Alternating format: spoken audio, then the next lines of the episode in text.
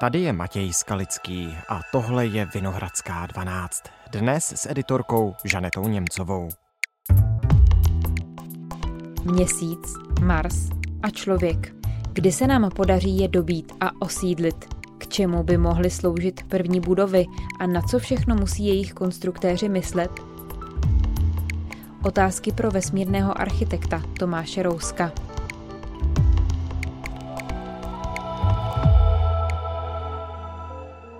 Dnes je pátek 18. srpna. Dobrý den, díky, že jste přišel do studia Vinohradské 12. Díky, díky. Dobrý den. NASA letos zveřejnila dokumenty týkající se dalšího dobývání měsíce a Marsu. Mimo jiné se v nich píše, že je potřeba vymyslet, jak umožnit posádkám misí nejenom žít na povrchu měsíce, ale i upustit ty své ubikace, aby členové posádky mohli provádět průzkum. Jak to udělat?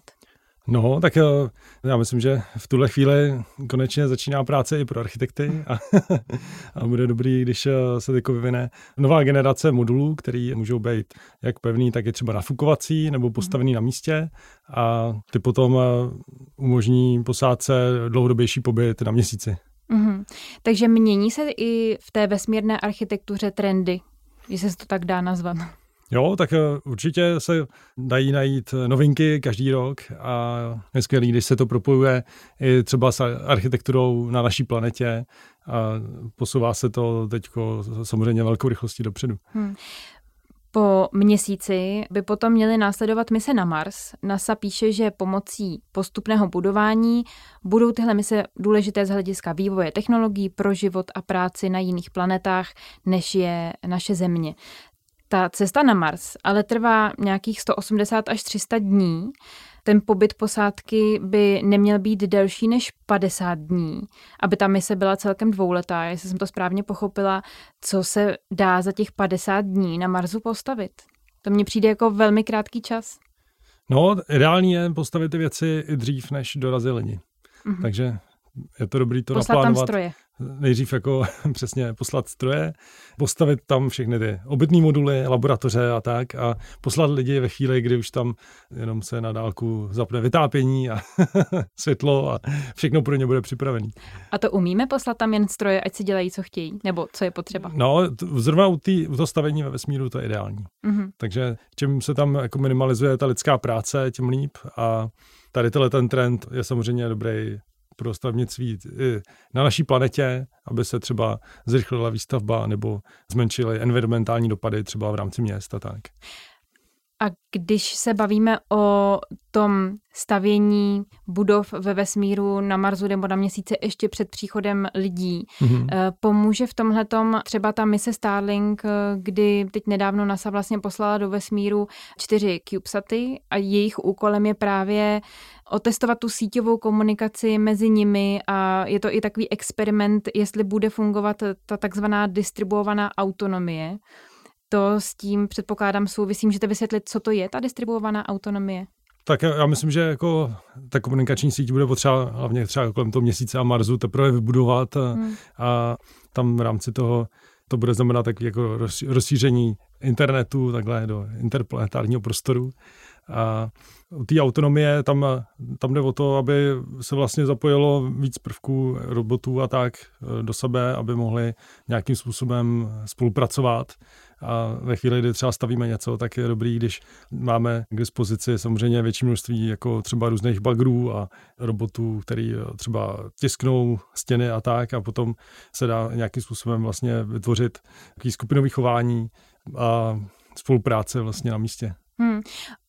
Oni ty CubeSaty právě mají mít i možnost se sami rozhodovat, co udělají na základě vlastního pozorování. Tak takhle hmm. nějak by tedy mohla vypadat i stavba budovy vesmíru, že by stroje podstatě, se zkrátka sami rozhodovaly. V podstatě by tohle šlo taky asi nějakým způsobem uh, tam připravit, ale asi jako u té architektury tam bude dobrý mít jakoby celkový záměr, který, který se tam pošle, ale pak třeba reakce na různé jako terénní nerovnosti nebo třeba práci s tím hrubým materiálem, to je dobrý vlastně, když se bude to rozhodování dělat lokálně. No.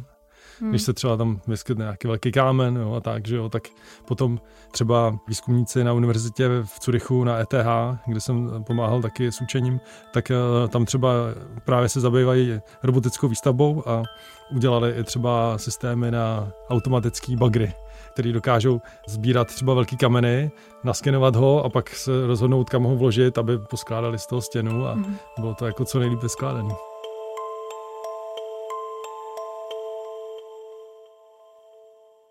Vy jste pracoval na projektech, jako je třeba Praha na měsíci, Skleník na Marsu, Lunární vůz. Co bude dál? Teď třeba děláme eh, s firmou, americkou firmou Think Orbital na zajímavých projektech modulů, který by se dali svařovat a skládat robotama na oběžní dráze eh, nebo na měsíci a díky tomu by se dalo docílit mnohem větších eh, objemů těch modulů, než je možný při klasické logistice mm-hmm. těma raketama. Takže eh, tohle je takový ambiciozní projekt, eh, kde připravujeme celou sérii vesmírných stanic a modulů, který se jmenují Think Platforms a připravujeme výzkum stavebních technologií do vesmíru, které jsou právě založený na svařování pomocí elektronového paprsku a řezání a různé jakoby další metody. Tady tohleto bylo podpořeno NASA, že jsme byli vybráni jako jedna ze sedmi firm společně s firmama jako SpaceX a Blue Origin mm. a tady těma špičkovými americkými vesmírnými firmama, tak jsme byli vybraní pro spolupráci vlastně na vývoji tady těch nových modulů. A můj úkol je tam vlastně, já tam dělám jako ředitel architektury, tak právě spolupracuju s tím naším inženýrským týmem, aby jsme vyvíjeli jako nové koncepty eh, modulů a potom i celou řadu jako připravujeme experimentů, přičemž jeden by měl letět v podstatě řádově asi za půl roku eh, do vesmíru. Mm-hmm. Na Saloni oznámila, že našla ideální prostředí, ideální místo, kde konkrétně na měsíci stavět. Mělo by to být v jeskyních, kde je stabilní teplota kolem 17 stupňů Celzia. Mm-hmm. Je tohle to i pro vás jako architekty rozhodující, když právě navrhujete ty moduly? Protože já jsem si všimla, že většina těch eh, návrhů je na povrchu, mm. ne v jeskyni. Tak eh, jo. je tohle velká změna? Je tam jakoby o, řada výhod, ale je celá řada nevýhod. Takže ve chvíli, kdy chcete uchránit ty lidi a ty zařízení před radiací, tak je jako výborný to schovat eh, pod zem do nějaký lávové trubice, ale zase jako na druhou stranu tam může být problém eh, s různýma jako terénníma nerovnostma nebo s tím, jak vlastně se tam dostat. Na naší planetě jsou některý jako pohodlně přístupný, ale jsou i jakoby hůře dostupný. Na tom měsíci třeba byly vidět některý jako s propadlým stropem a častokrát jako člověk musí jako se rozhodnout, jaké výhody převažují. Rozhodně jakoby, že jo, spousta věcí se dá pohodlně postavit třeba na tom povrchu přímo. No a jak se ze země eh, řeší ty fyzikální rozdílnosti, jako už jste třeba zmínil právě tu radiaci, je tam jiná atmosféra, jiná gravitace. Jak víte, že když něco navrhnete, tak to opravdu na tom měsíci nebo na tom Marsu může fungovat, může existovat? Já myslím, že to je jako založený asi na těch 66 letech, eh, co lidstvo lítá do vesmíru, na předešlých zkušenostech a v podstatě to je furt eh, taková evoluce těch systémů a celá řada věcí byly otestované v rámci třeba programu ISS, pak se připravovala celá řada věcí právě pro misi na Mars eh, v NASA, kde se vyvíjely třeba nové generace těch nafukovacích modulů a tak. A potom vlastně na základě tohohle výzkumu architekti a inženýři navrhují vlastně nové verze, které častokrát eh, jako jsou evolucí že jo, toho, co, co bylo vynalezené. A určitě je jako důležitý nejdřív ty věci otestovat na tom měsíci, než se platí na Mars, protože mm. právě spousta věcí nemusí fungovat. Mm. Ve chvíli, kdy máte vozidla, které přestanou fungovat po třech týdnech a potřebujete s nima fungovat ještě rok na tom Marsu, než se vrátíte domů, tak, tak eh, to je samozřejmě nepříjemnost. A já bych na ten Mars osobně moc nepospíchal, protože to je prostě jako trošku past, co se týče jako návratu. Mm. Tam člověk má jako jenom omezený možnosti návratu a zatímco z toho měsíce se dá dostat domů uh, řádově za tři dny, jo, když je nějaký problém. Hmm. Mě zaujalo s tou radiací, že třeba jsou návrhy, které používají zmrzlou vodu jako hmm. určitou clonu. No, no, to navrhovali třeba naši kamarádi z firmy Search v Americe, dělali to právě jak ve spolupráci s NASA centrem a tam potom eh, dělali kreativ celého toho modulu ze ledu to byl jako zajímavý koncept a dá se tam i využít jakoby ty průsvědnosti, například pro pěstování rostlin a tak. Když mluvíte o pěstování rostlin, tak vy jste navrhoval i skleník, tedy na Marsu.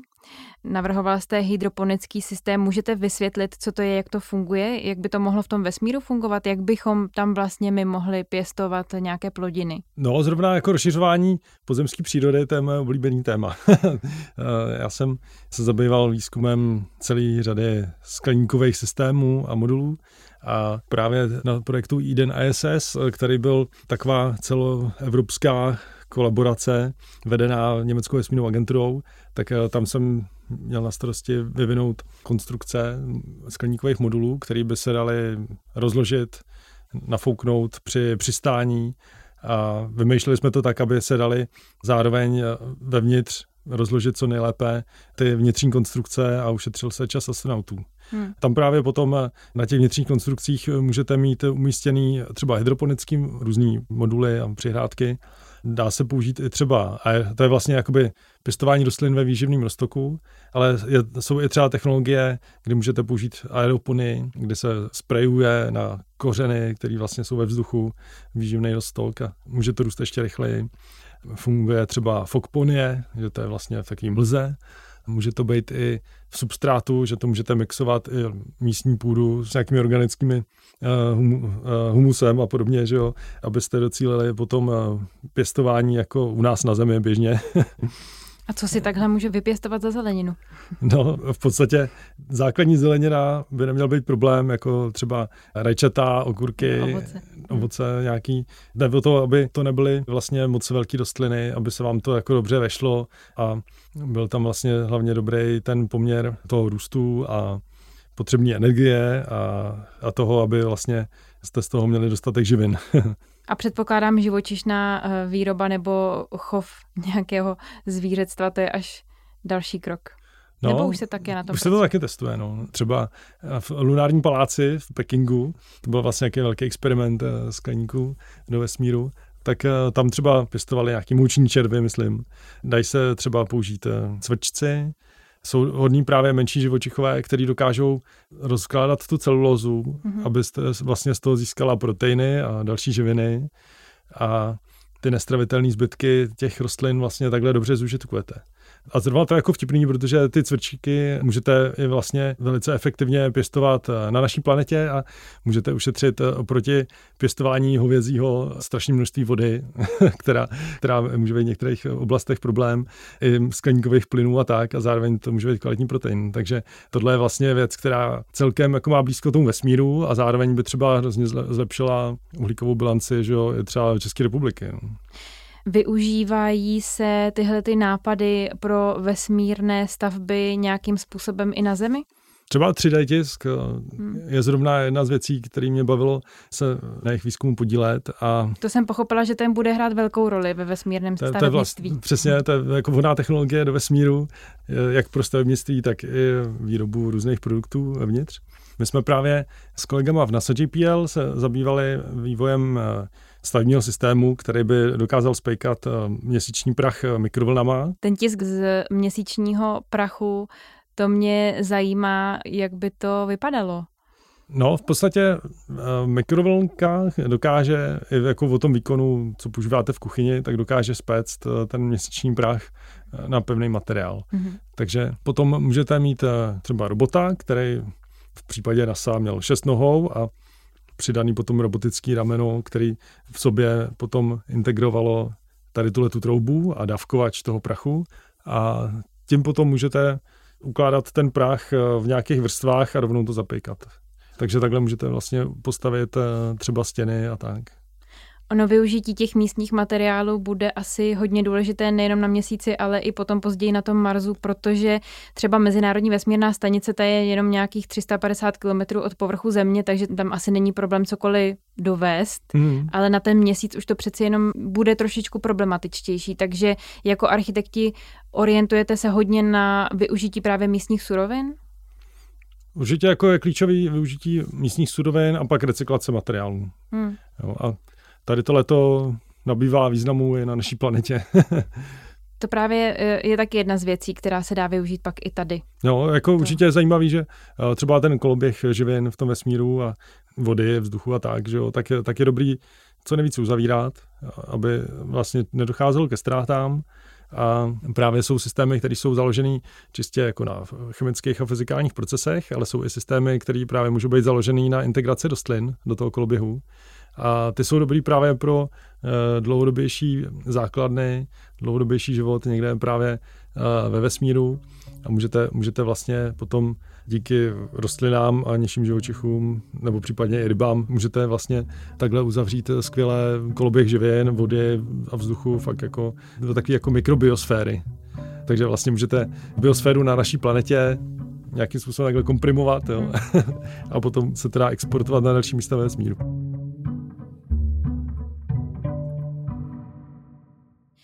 Váš kolega Ondřej Důle v jednom rozhovoru říkal, že vesmírní architekti se musí mnohem víc soustředit na potřeby člověka, který se v extrémním prostředí nepřizpůsobí. Vnímáte to stejně? Určitě, to myslím, že to je jedna z hlavních náplní práce architektů ve vesmíru, aby vyhověl co nejvíce lidským potřebám.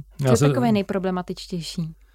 Já myslím, že omezení toho prostoru je problém, hmm. omezení váhy je problém. Ve chvíli, kdy prostě si potřebujete tam eh, odvíst eh, v podstatě omezený množství zásob a máte v dispozici malý prostor, tak musíte přemýšlet v různých scénářích toho, jak třeba využíváte ty malé prostory v průběhu toho dne a tak tam jako je jedna výzva za druhou v podstatě.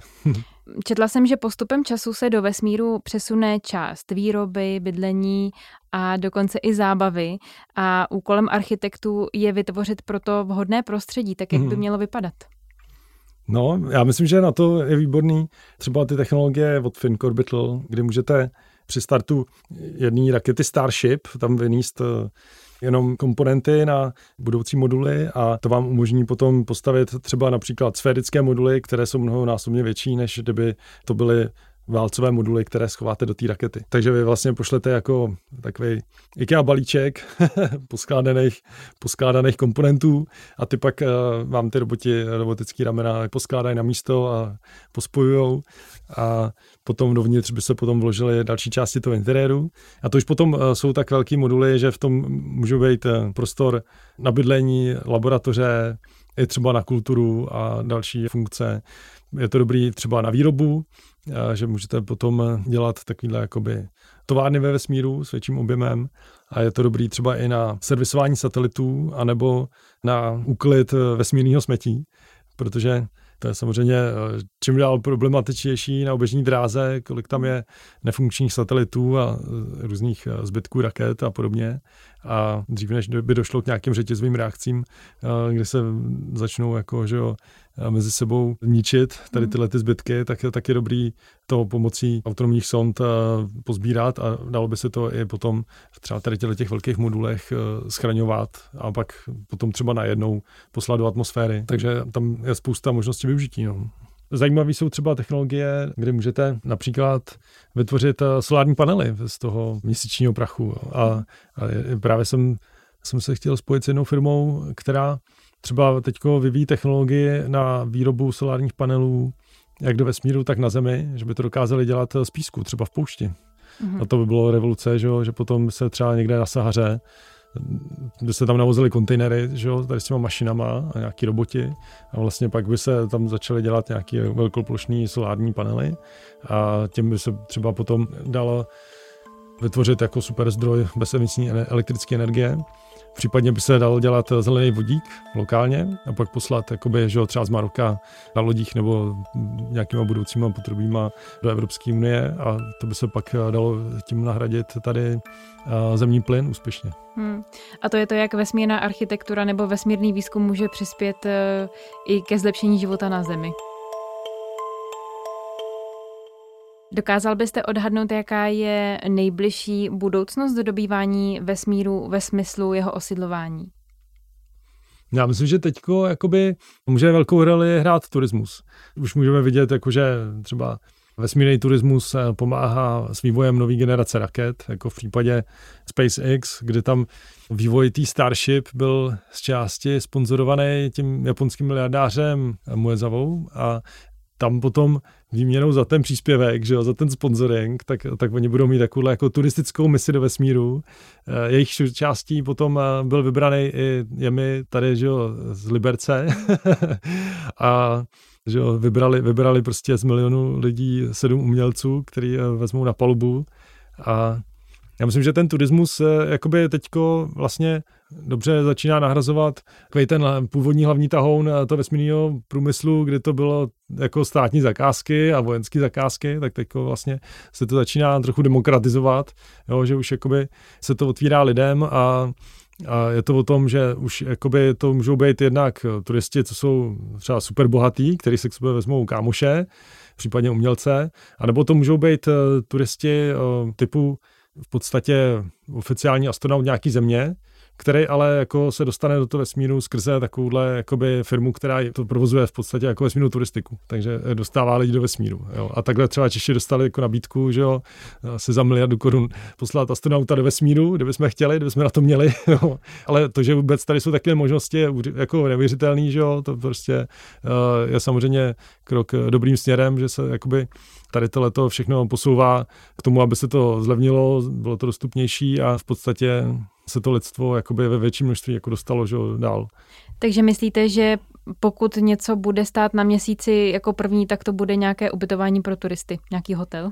No jo, eh, já myslím, že to je jako určitě jedna, jedna z eh, věcí, které tam budou hrát velkou roli a můžou to být různý hotelový řetězce. Teď prostě třeba jeden velký hotelový řetězec spolupracuje, myslím, ze Sierra Nevada, Sierra Space Corporation na vývoji vesmírného hotelu. Takže na tom měsíci to bude podle mě hrát ze začátku je větší roli, než jak se tam vždycky jako říkalo, že tam jsou zdroje Helia 3 pro fuzní elektrárny, které by se jako dalo tam vytěžit. Na tom jsme třeba taky pracovali, uh, na tady těch konceptech, ale podle mě větší jako ekonomický tahon bude zatím ta turistika tam. Máme materiály, máme technologie a díky turismu eh, možná i finance. Co chybí k tomu, aby na tom měsíci skutečně už něco stálo? Já myslím, že to je otázka času dneska. Jo, hlavně jako nějaký asi globální politický stability. Jo, je to prostě o tom, jaký budeme řešit aktuální problémy a jestli prostě bude jako dobrá atmosféra na to budovat prostě, že jo, světlé zítřky, anebo budeme řešit nějaké jako žavější problémy tady na naší planetě. jo, a já myslím, že kdyby jsme chtěli, tak se ty věci dají dělat z fleku prostě ve chvíli, kdyby byla jako větší třeba eh, veřejná podpora, tak se jako eh, dá na tom měsíci stavět jakoby mezinárodní vesmírní základny během pár let. Jo. Hmm. Tam už prostě jako nevidím třeba z technických hledisek, nevidím takový úskalí, jo, ale spíš to je otázka právě motivace společnosti a dostupných financí a času s tím spojených. Tak díky moc, že jsme si mohli povídat o možnostech života ve vesmíru. Jo, super, děkuji moc za pozvání.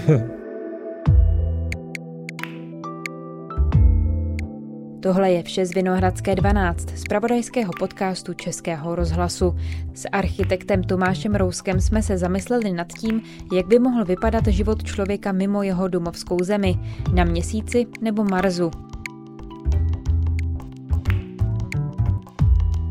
Všechny předchozí epizody jsou ke stažení v podcastových aplikacích na webu i rozhlas.cz nebo v aplikaci Můj rozhlas. Všude tam si také můžete každý den chvíli po půlnoci poslechnout novou epizodu. Od pondělí zase s Matějem Skalickým. Naslyšenou příště.